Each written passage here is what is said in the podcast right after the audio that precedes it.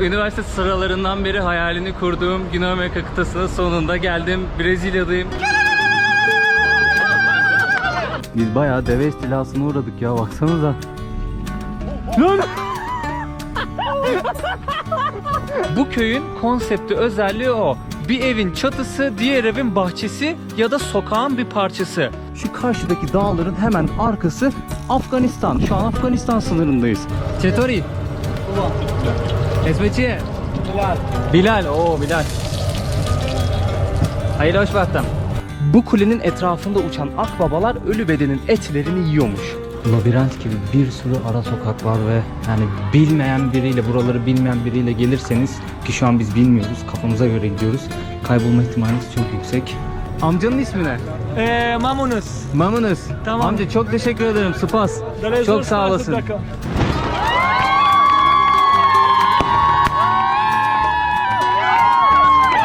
Merhaba. Şunu görmek için var ya öldüm öldüm dirildim ya buz tutmuş durumda bak buz tutmuş durumda sadece şurada su akıyor o kadar. Şu olaydan bu kadar keyif alacağım hiç aklıma gelmezdi. Bir gece kal git dedi ayılara dikkat et dedi bak bunlar da ayıyı söyledi. Yaşadığımı hissettiriyor. Cid- cidden yaşadığımı hissettiriyor. Kendine çok iyi bak abi rahmet her şey için. Sosyal Çalışma Podcast ve Sosyal Hizmet TV ortak yapımı Sıra Dışı Sosyal Hizmet Uzmanları serisine hepiniz hoş geldiniz. Ben Umut Yanardağ. Ee, Bugün görsel olarak takip edenler göreceği üzere bir konuğumuz var. Ee, Sıra Dışı Sosyal Hizmet e, programının ilk pro- e, konuğu e, Burak, Burak Durgun. Burak'la niye konuşuyoruz sorusunun yanıtını bu yayın başlarken izlediğiniz teaser'dan anlayabiliriz. Kendisi bir gezgin, dünyayı dolaşıyor e, farklı deneyimleri var. E, YouTube kanalında da bu deneyimleri, gezme gez, gezme hikayelerini, e, deneyimleri, gezi hikayelerini paylaşıyor. Hoş geldin Burak, merhabalar. Hoş buldum merhabalar nasılsınız? Sağ olasın canım benim, teşekkürler. Şimdi önce bir seni tanımak isteriz, e, seni e, tanıtmak isteriz daha doğrusu. Kendinden bahseder misin? Tabii ki. E, ismim Burak. E, 28 yaşındayım. Manisa Cevabay Üniversitesi 2019 Sosyal Hizmet mezunuyum. E, seyahat ediyorum şu an söylediğiniz gibi. Seyahat etmeye de üniversite sıralarında karar verdim. Kısaca bu şekilde. Tamam, böyle bir karar vermek, biz de seyahat etmek arzusunda oluyoruz ama genelde ufkumuz belirli kısıtlarla e, bizi çerçeveliyor ve e, gidebildiğimiz yere kadar gidebiliyoruz. Özellikle belki de düzenli bir e, iş, e, 8-5 çalışma diyebileceğimiz bir e, hayat e, bizi sınırlandırıyor. İşte izinler ve benzeri konusunda. Sen böyle hani bir tamam artık ya ben yani seyahat edeceğim de e, hikayeler de, de e, bir parçası olacağım demeye nasıl karar verdin? Öğrenciyken ne oldu da böyle bir e, yolculuk fikri perçinlendi e, kafanda? Ya ilk olarak ben e, üniversitedeyken Tayland'a seyahat ettim. Çok kısa bir seyahatti. Ve 10 günlük Tayland gezim oldu. İlk yurt dışı deneyimim o oldu benim. Ben çok merak ediyordum Asya kıtasını. Tayland'la başlayınca bir de çok başka bir kültür, insanlar bizim kültürümüzden farklı olarak yaşıyor hayatlarını. Çok hoşuma gitti. Daha sonrasında Amerika'ya gittim Work and Travel programıyla. Ee, ve kendi başıma bir şeyleri yapabildiğimi fark ettim. O sıralar sırt çantalı gezginleri takip ediyordum. Yolda kolye bileklik satarak e, geziyorlar, gönüllü çalışarak geziyorlar. Düşük parayla seyahat edilebileceğini öğrendim. Daha sonrasında bunu denemeye karar verdim ama mezun olana kadar beklemek istedim. Mezun olduktan sonra e, iki aylık bir Balkan seyahati yaptım. Sırt çantasıyla gittim, çadırla gittim ve kolye bileklik yaparak geziyordum. Ve bu bütün masrafımı kolye bileklik satarak e, sağladım Balkan seyahatimde ve çok güzel deneyimler elde ettim. Çok güzel insanlarla tanıştım. Bu e, aslında benim cesaretimi daha da ortaya çıkardı. Bunu yapabileceğimi fark ettim. Hep böyle bir korku oluyordu. Acaba yapabilir miyim? Çünkü çok farklı bir dünya. Yani sırt çantanız sizin eviniz oluyor. Çadırınız eviniz oluyor. Bazen yatacak yer bulamıyorsunuz ya da insanların evine konuk oluyorsunuz. E, Daha önceden hiç tecrübe etmediğim bir şeydi. Bu şekilde dedim ben bunu daha da uzun süre yapabilirim. Bu şekilde macera başladı aslında. Ailem ailem de yapabileceğimi gördü. Birazcık tedirginlikleri vardı ama o iki aylık seyahat e, süresince Balkanlarda sağ salim geri dönünce yapabileceğimi fark ettiler. Şu anda yoldayım. Süper. Küçük adımlar yeni yolculukların önünü açmış ve şu anda e, da Brezilya'dasın bu kaydı yaparken. Evet kesinlikle. Evet. Evet Rio de Janeiro gezdin? Evet, şimdi nereleri gezdin? Kanalı da aslında takip etmeleri için şimdi alttan geçer muhtemelen spot ama nereleri gezdin? Bir anlatır mısın bize bu vakte kadar? Ben 17 ülkede seyahat ettim. Yanlış e, hatırlamıyorsam 17 ülkede seyahat ettim. İlk olarak Tayland'da başladım. Daha sonrasında Amerika, Hollanda, Çek Cumhuriyeti'ne gittim. E, O zamanlar yeşil pasaportum vardı. Avrupa'ya rahat giriş sağlayabiliyordum. Daha sonrasında Balkan seyahatim oldu. Sırbistan, Karadağ, Kosova, Arnavutluk, Bosna Hersek ve Makedonya'yı gezdim orada. E, Ondan sonra Türkiye'ye döndüm. Pandemi süreci girdi. Bir süre seyahat edemedim. Daha sonrasında dedim ki yani bu süreç böyle devam edecek ve hani evde kalmak istemiyorum. Antalya'da bir 6 ay çalışıp para biriktirmiştim. Daha sonrasında tekrardan Sırbistan'a gidip seyahat ettim orada. Sırbistan'dan sonra İran'a gittim. Ben çok uzun bir süre İran'da seyahat etmek istiyordum. Yani hayalini kurduğum bir ülkeydi. 100 gün İran'da seyahat ettim. Ee, Daha sonrasında da e, Orta Asya'ya geçtim. Kırgızistan, Özbekistan ve Kazakistan'ı seyahat ettim. Ve oradan Gürcistan'a, sonra tekrardan İran'a, İran'dan Irak'a geçtim. Irak'tan Lübnan'a, Lübnan'dan da Brezilya'ya geldim. Evet, biraz farklı bir rota olmuş Ee, ama Evet, biraz gayet farklı. key- key- keyifli. Ee, peki bu gezme e, süreçlerinde ya- yaşadıklarından da bize biraz bahseder misin? Yani şimdi hakikaten bizim için fantastik. Yani bir sosyal hizmet açısından baktığınızda ben e, öğrencilerime şunu söylüyorum. Ya kitap okuyun, film izleyin, insanlara temas edin, gönüllü olun. Çünkü bizim işimiz insanı tanımayla da çok alakalı. E, yolculuklar da aslında insanları tanımaya fırsatlar veriyor. Sen bayağı çok kültürlü bir yolculuk e, yapıyorsun şu an farklı ülkelerden. Evet, çok böyle farklı ilginç kültürler. hikayeler de vardır. Hele bir de e, yani e, az parayla bir şeyler yapabilmenin e, de yani bizim Anadolu tabiriyle tanrı misafiri gibi geziyorsun anladığım kadarıyla. Evet, evet. Ee, bu, bu nasıl şeylerle karşılaştın? Bize anlatır mısın yolculuk deneyimlerini, böyle e, fantastik hikayelerini?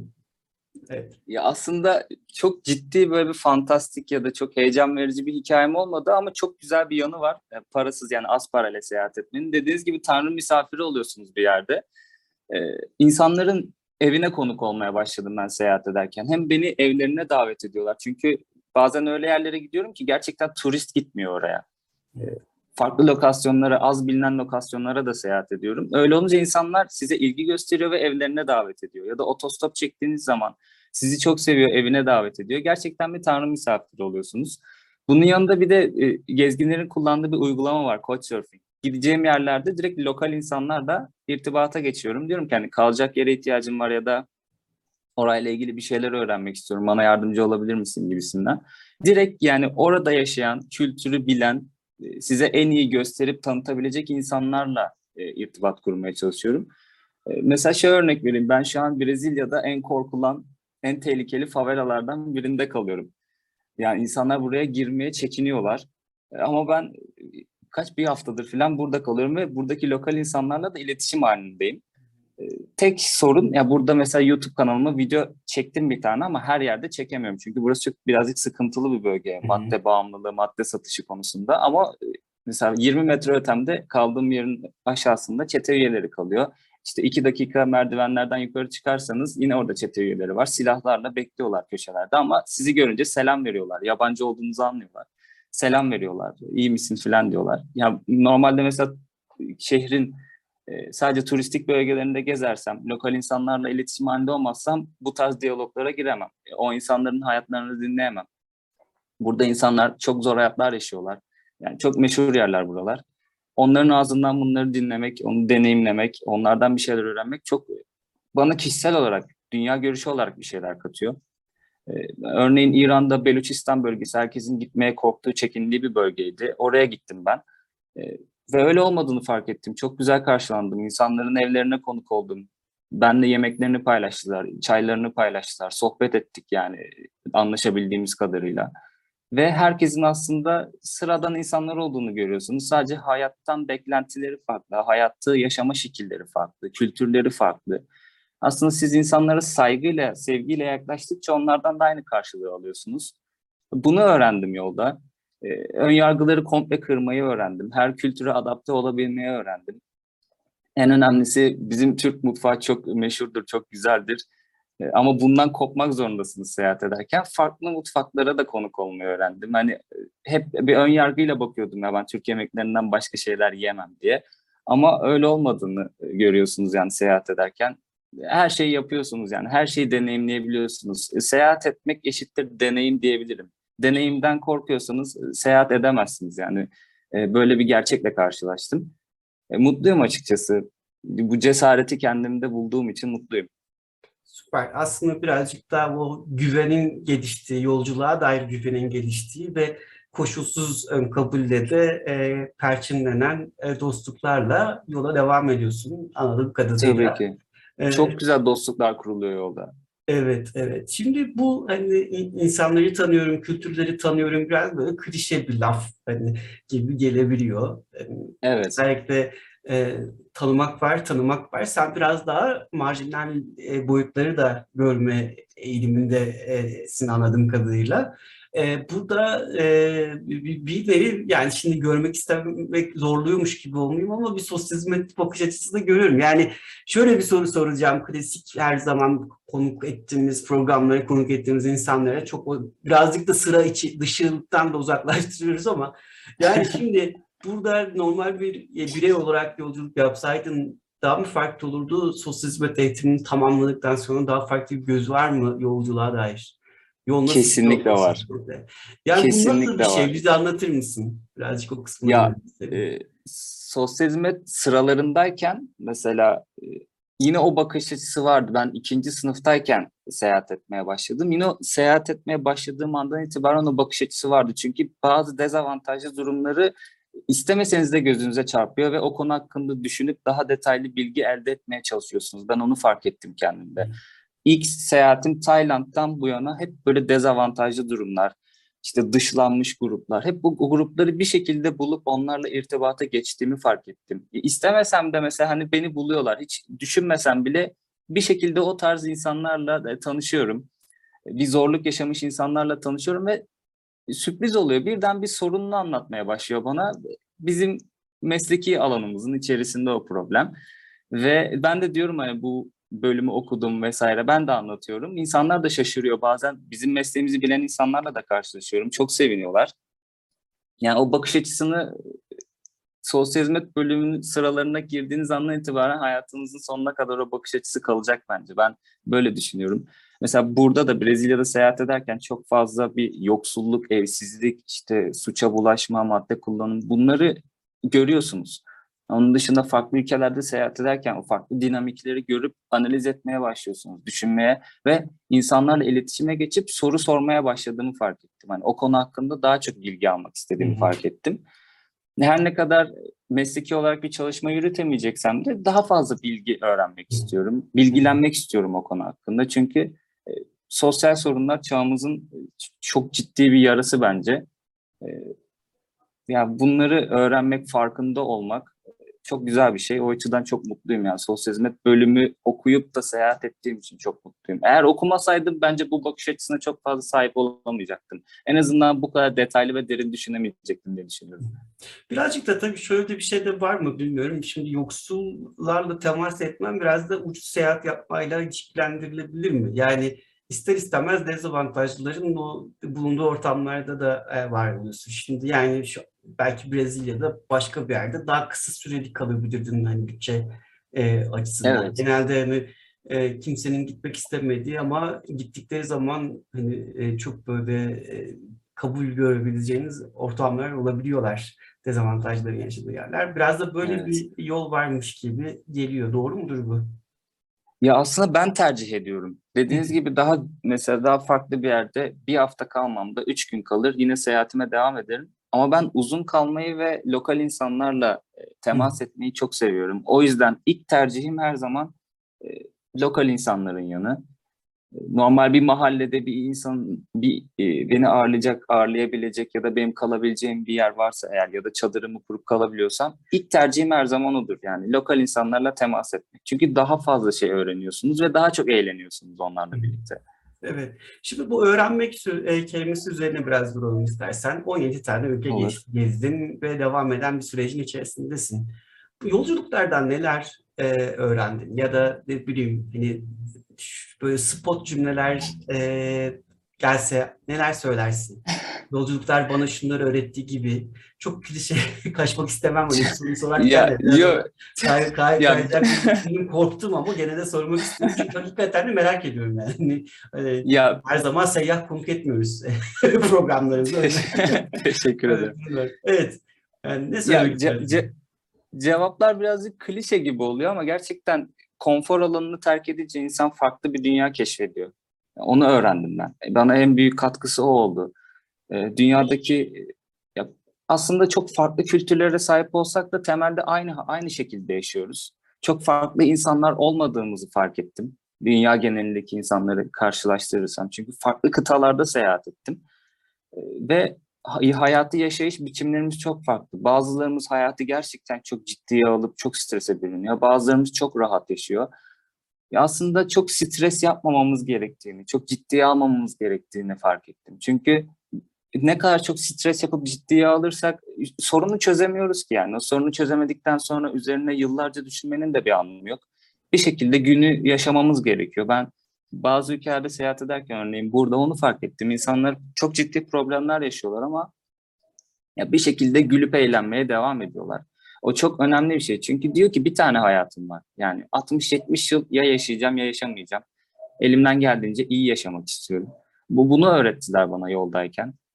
Ee, onun dışında e, çok klişe, farklı kültürler öğreniyorsunuz yani. Farklı inanışlar öğreniyorsunuz. Ben mesela İran'da seyahat ederken Zerdüştlüğü öğrendim. Onların cenaze ritüellerini öğrendim. E, çok bambaşka bir şeydi yani.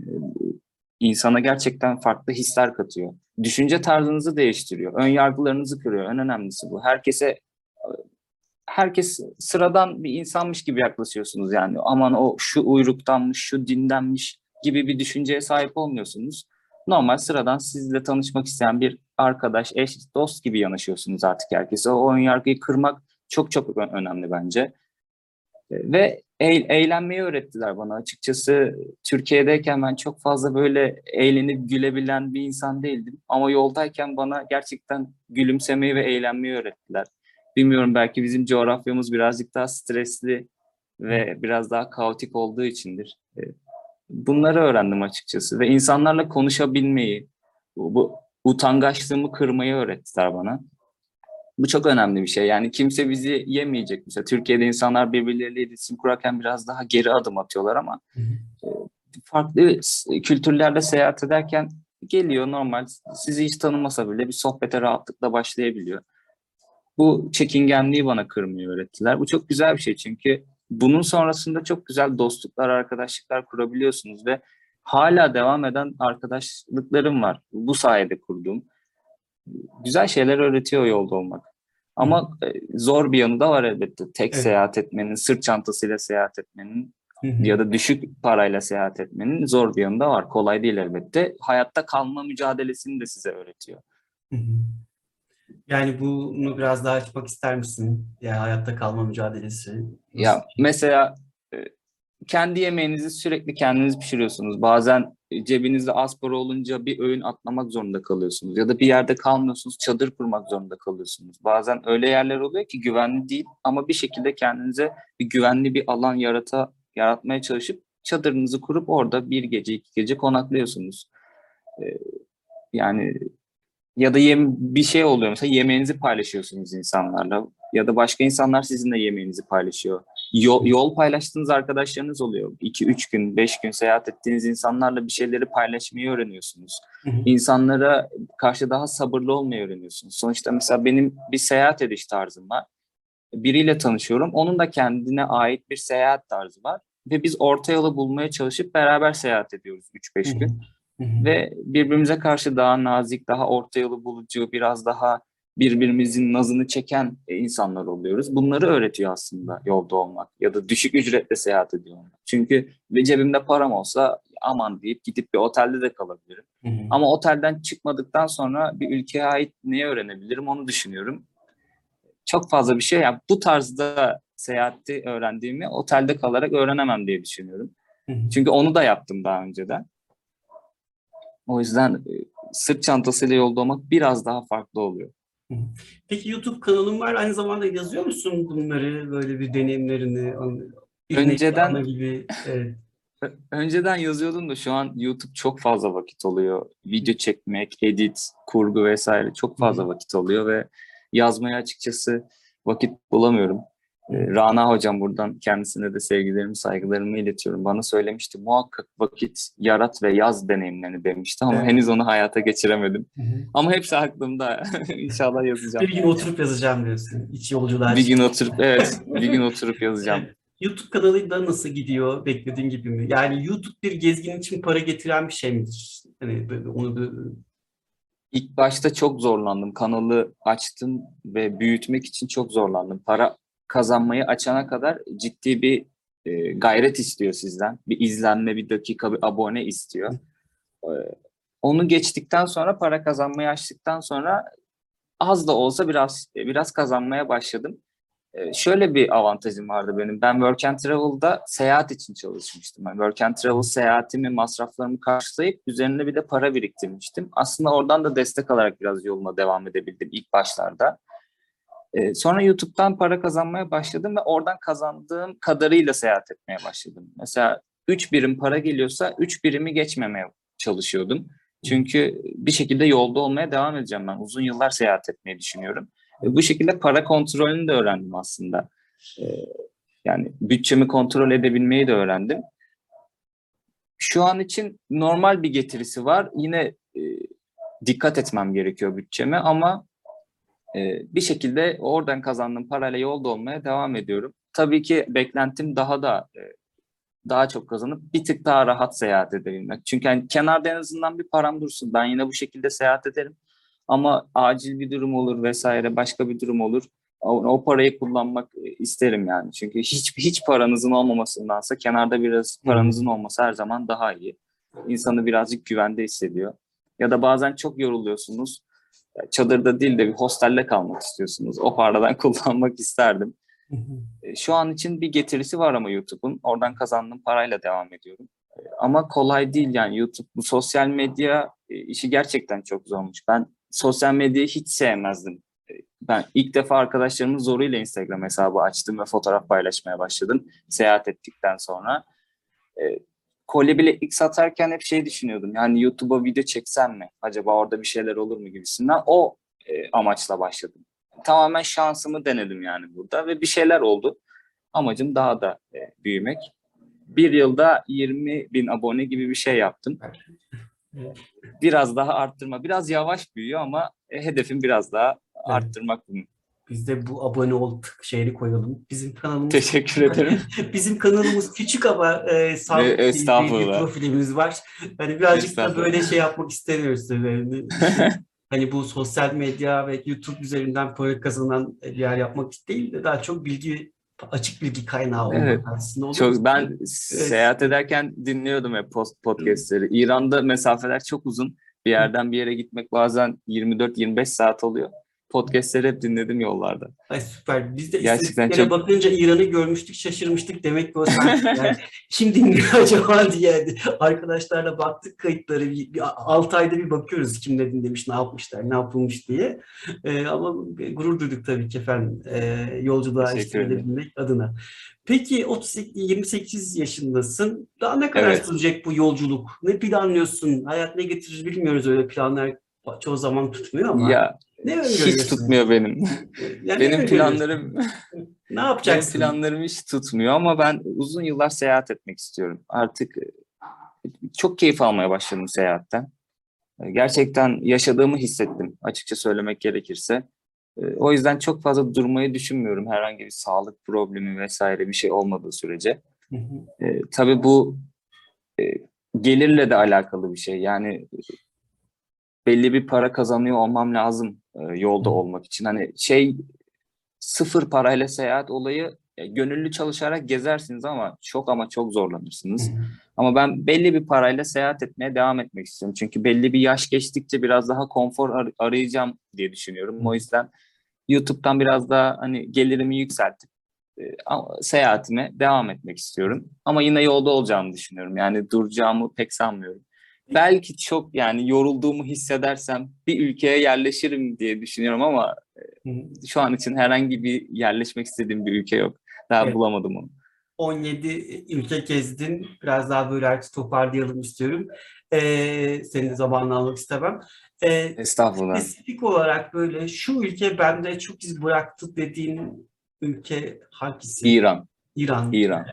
Evet, ben Muhteşem İran e, kültür. kayıtlarını da izledim senin. Ee, biz İran'a gitmek istedik ama denk gelmemişti. Çok da güzel gezmişsin yani ne yalan söyleyeyim. Çok iyi. Zaten izleyenlerin hepsinin imreneceğini düşünüyorum bu e, gezme sürecine ve e, biz öyle bir de akademik hayatla ilgilendiğimiz için sürekli masa başı bir iş yapıyoruz. Sahaya da Covid nedeniyle artık sahalar da online oldu. Ama çok Evet. güzel gezdin İran'ı. Ee, Teşekkür İran- ederim. İran'dan e, ne kaldı sana? Yani mesela böyle e, efendim dostluk, dayanışma, doğu kültürü, işte ve- vesaire vesaire e, bir sürü şey söylenebilir. E, bir de ikinci sorumu da sorayım böyle. En zorlandığın ülke ya da en zorlandığın süreçler neydi? Onu söyleyelim. Bir, bir başka sorum da bu dil mevzusunu nasıl çözüyorsun? Şimdi herkes İngilizce konuşmuyor. Yani gittiğin Evet. yerlerde de e, yani mesela Farsça bilmedin, sen zorlanabileceğin yerler olmuş olmalı İran'da mesela. Kesinlikle Keza öyle, Brezilya'da kesinlikle da öyle. öyledir. Hani çünkü herkes yani genelde İngilizce'de bir sınıfsal bir şey var. Hani gerçi her ne kadar şimdi öyle değilse de hani bilmek İngilizceyi konuşabilmek de bir e, iyi eğitimli olmayı da beraberinde getiriyor. Nasıl kuruyorsun e, dili gibi üç tane soru arda arda sorayım sonunda toparlayalım. Önce dilden başlayayım. Ben biraz böyle temel ihtiyaçlarımı anlatacak, birazcık sohbet edecek kadar İngilizce biliyorum. Bilen birisi varsa iyi anlaşıyorum yani sıkıntı olmuyor ama bilmeyen birisi varsa beden dili devreye giriyor direkt. Başka bir e, alternatif olmuyor. Yani çeviri oluyor telefonda mesela. Çeviriden de anlaşabiliyoruz ama genelde beden diliyle halletmeye çalışıyorum. E, İran'da Farsça öğrendim çok az. E, böyle temel günlük konuşmayı çözebilecek kadar. Çünkü ben Farsçayı yani çok sevdim. Gerçekten çok zor bir dil olarak, olarak görüyorum ama çok güzel bir dil. Dinlemesi ve konuşması gerçekten harika bir dil. O yüzden Farsça öğrendim birazcık. İran'da da o şekilde hallettim ama yine beden dili de kurtardı. Yeri geldi İngilizce de kurtardı. Bir de orada İran Türkleri yaşıyor. 30 milyona yakın İran Türkü var. Onlar zaten Türkçe'ye aşinalar. O yüzden e, onlarla da birazcık iletişim kurabildim. İran seyahatini o şekilde hallettim. Diğer ülkelerde de İngilizce beden dili devreye giriyor. Bir şekilde hallediyorsunuz yani. Ama İngilizce bilmeniz her zaman avantaj. Çünkü sohbet etmek istiyorsunuz, insanları, kültürleri tanımak istiyorsunuz. O yüzden dil bilmeniz gerekiyor. Zorlandığım noktalar e, bazen insanlar sizi çok şey yapabiliyor. Mesela turist olarak görüyor sizi. Gerçekten e, yani turistik aktivitelere çok fazla davet ediyor, peşinizi bırakmıyor. Yani bazen sizi yapmak istemediğiniz şeylere zorluyor. O açıdan e, zorlanabiliyorsunuz belirli ülkelerde seyahat ederken. Sizi çok fazla kandırmaya çalışıyor. Onun dışında ben zorlanır yani zorlandığım bazı noktalar otostopta vesairede bazı ülkelerde zorlandım. İşte kamp yaparken, çadır kurarken o oralarda zorlandım ama temelde çok zorlandığım bir nokta yok. E, Hemen hemen her şeye adapte olmaya çalışıyorum yani oranın kültürüne, yemek kültürüne vesaire her şeye hazırlıklıyım yani. Çok fazla bir beklenti olmadan gidince şey oluyor. e, Her şeye hazırlıklı oluyorsunuz. O yüzden çok ciddi bir zorluk yaşamadım. Sadece kolye bile ilk sattığım dönemde polislerle çok fazla problem yaşamıştım. E, Bir de Lübnan'da e, birazcık sıkıntılı olaylar yaşadım. Gözaltı durumları falan oldu Hizbullah hakim ülkeye. Orası birazcık sıkıntılı bir bölge. Yani oraya orada seyahat ederken dikkat etmek gerekiyor. Onun dışında bazı yoksul yerleri, mülteci kamplarını gezerken yani his olarak hani bu, durum neden yaşanıyor gibi bir sorgu oluşuyor. Onun bir derin hissi, üzüntüsü, insanların o yaşayış tarzı, tarzlarını görünce hani kimse bu, bu şekilde yaşamayı hak etmiyor aslında hepimiz insanız. Neden e, böyle bir adaletsizlik var gibisinden bu tarz mental şeyler de oluyor aslında. Hani zorluklara bunu da ekleyebilirim. Çünkü üzerine çok fazla düşünüyorsunuz. E, en azından ben hani düşündüm çok fazla. Ee, bunun dışında e, ilk soruda güzellikler kısmıydı sanırım özellikle İran hakkında. Yani müthiş bir ülke. Gerçekten çok rahatlık ve güzel dostluklar kurabileceğiniz bir ülke. Yemek kültürüne çok rahatlıkla adapte olabilirsiniz ve seyahat ettiğiniz lokasyonlar sizi hayran bırakacak kendisine. Gerçekten bilmiyorum bize çok yanlış tanıtmışlar İran'ı. Müthiş müthiş bir e, tarihi var. E, Çok güzel bölgeleri var. Seyahat edebileceğiniz, keyif alabileceğiniz. E, Bilmiyorum ya benim hayatımda en çok etkilendiğim yer orası. O yüzden çok uzun kaldım ve daha da gidip seyahat etmeyi düşünüyorum orada. Daha tam olarak ülkeyi bitirdim saymıyorum.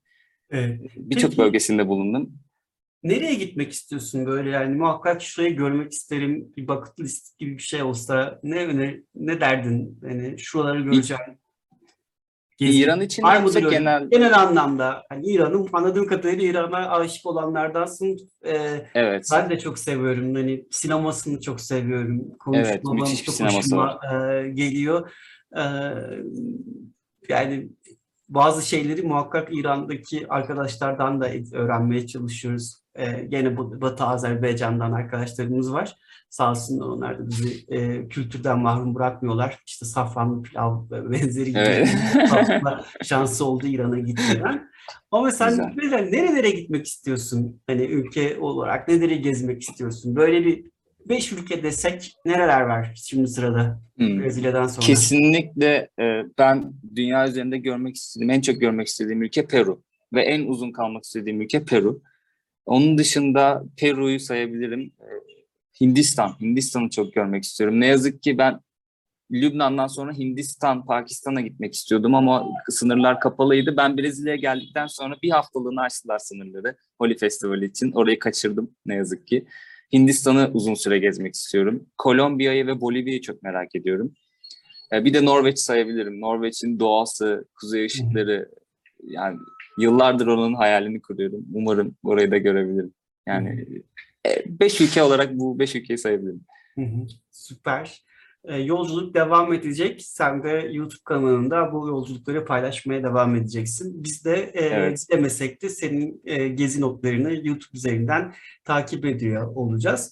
E, Çok teşekkür ederim. Valla bir sıra dışı sosyal hizmet uzmanları mevkisini şöyle hayal ettim aslında tasarlarken ilk konuşunca arkadaşlar. Ya dedim hani hep sosyal hizmet konuşuyoruz. Birazcık da farklı bir şey konuşalım. Bizim arkadaşlarda da farklı işler var. Hatta senden bahsettim. Hadi ya gerçekten falan dediler. Sonra YouTube kanalına falan baktılar arkadaşlar. Ee, Teşekkür yani ederim. böyle bir e, güzel bir konukla ilk kaydı yapmak beni çok e, mutlu etti.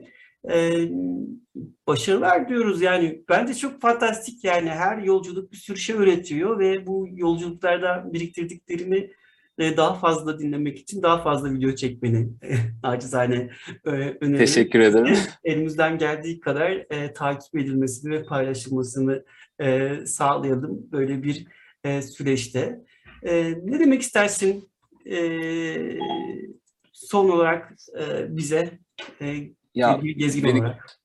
konuk ettiğiniz için çok teşekkür ederim öncelikle. Gerçekten çok key- keyif aldım ve çok büyük onur duydum. Ee, yani böyle bir programa ilk olarak beni konuk etmeniz gerçekten çok mutlu oldum.